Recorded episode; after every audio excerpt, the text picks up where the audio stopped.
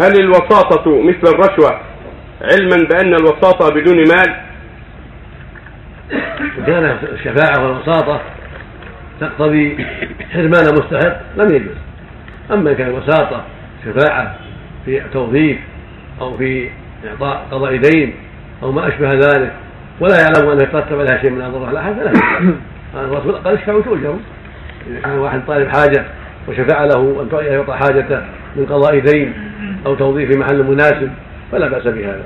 إلا إذا علم أنه يترتب على توظيفه. ظلم يعني يقول حطوه في مكان فلان ووظفوه في مكان فلان من دون حق لأنه قريب وصديق ما يجوز هذا.